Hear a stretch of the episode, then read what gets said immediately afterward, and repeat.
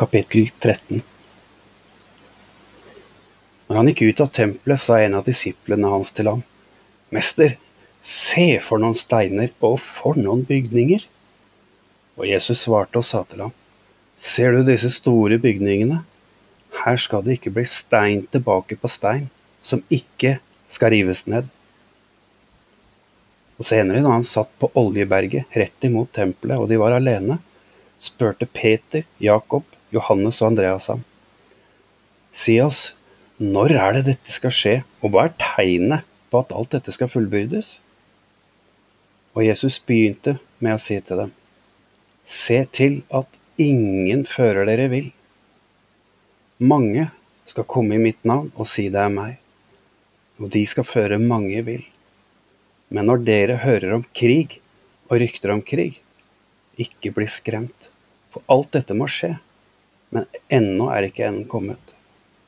For folk skal reise seg mot folk, rike mot rike, og det skal være jordskjelv mange steder, og det skal være hungersnød og opprør, men dette er bare begynnelsen til fødselsvenet. Men pass dere og ta dere i vare, for de skal overgi dere til domstolene og dere skal bli hudstrøket i synagogene. Dere skal bli fremstilt for landshøvdinger og konger for mitt navns skyld, til et vitnesbyrd for dem. Men først skal evangeliet forkynnes for alle folkeslag. Når de fører dere fram og utleverer dere, vær da ikke på forhånd bekymra for hva dere skal si.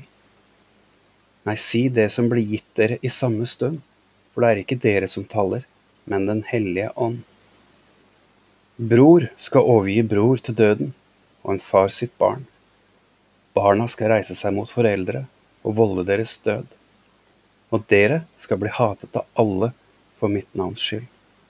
Men den som holder ut til enden, han skal bli frelst.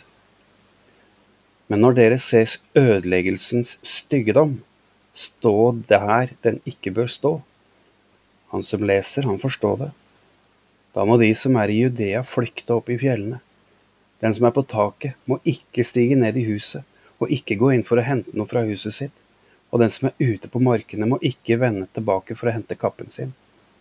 Og stakkars de som er med barn, og de som gir die i de dager. Men be heller om at det ikke må skje om vinteren, for i de dager skal det være en så stor trengsel som det ikke har vært inntil nå, ifra skapningens begynnelse, da Gud skapte verden, og det skal heller ikke bli. Og dersom Herren ikke forkortet disse dagene, så var det intet kjøtt som ble frelst. Men for de utvalgtes skyld, de som han har utvalgt, han har han forkortet disse dagene. Og om noen da sier til dere, se, her er Messias, eller se der, så ikke tro de. For falske Messiaser og falske profeter skal stå fram, og de skal gjøre tegn og under for å føre også de utvalgte vill, om det var mulig. Men vær på vakt, og jeg har sagt dere alt på forhånd. Men i de dager, etter denne trengselen, skal solen bli formørket, og månen skal ikke gi sitt skinn. Stjernene skal falle ned fra himmelen, og himmelkreftene skal rokkes. Og da skal de se Menneskesønnen komme i skyene med stor kraft og herlighet. Da skal han sende ut englene og samle sine utvalgte fra de fire vindretninger og fra jordens ende til himmelens ende. Det er en lignelse av fikentre. Når greinene har fått sevje og bladene springer ut, da vet dere at sommeren er nær. På denne måten skal dere også se, når dette skjer, vite at Han er nær, og Han står for døren. Sannelig, jeg sier dere, denne slekten skal slett ikke få gå før alt dette skjer. Himmel og jord skal få gå, men mine ord skal slett ikke få gå. Men denne dagen eller timen kjenner ingen, ikke engang englene i himmelen, ikke engang Sønnen, men bare Faderen. Vær på vakt, og våk, for dere vet ikke når tiden er der. Det er liksom en mann som dro utenlands. Han forlot sitt hus, overlot styret til tjenerne sine og satte enhver til hans gjerning. Og dørvakteren befalte ham å våke.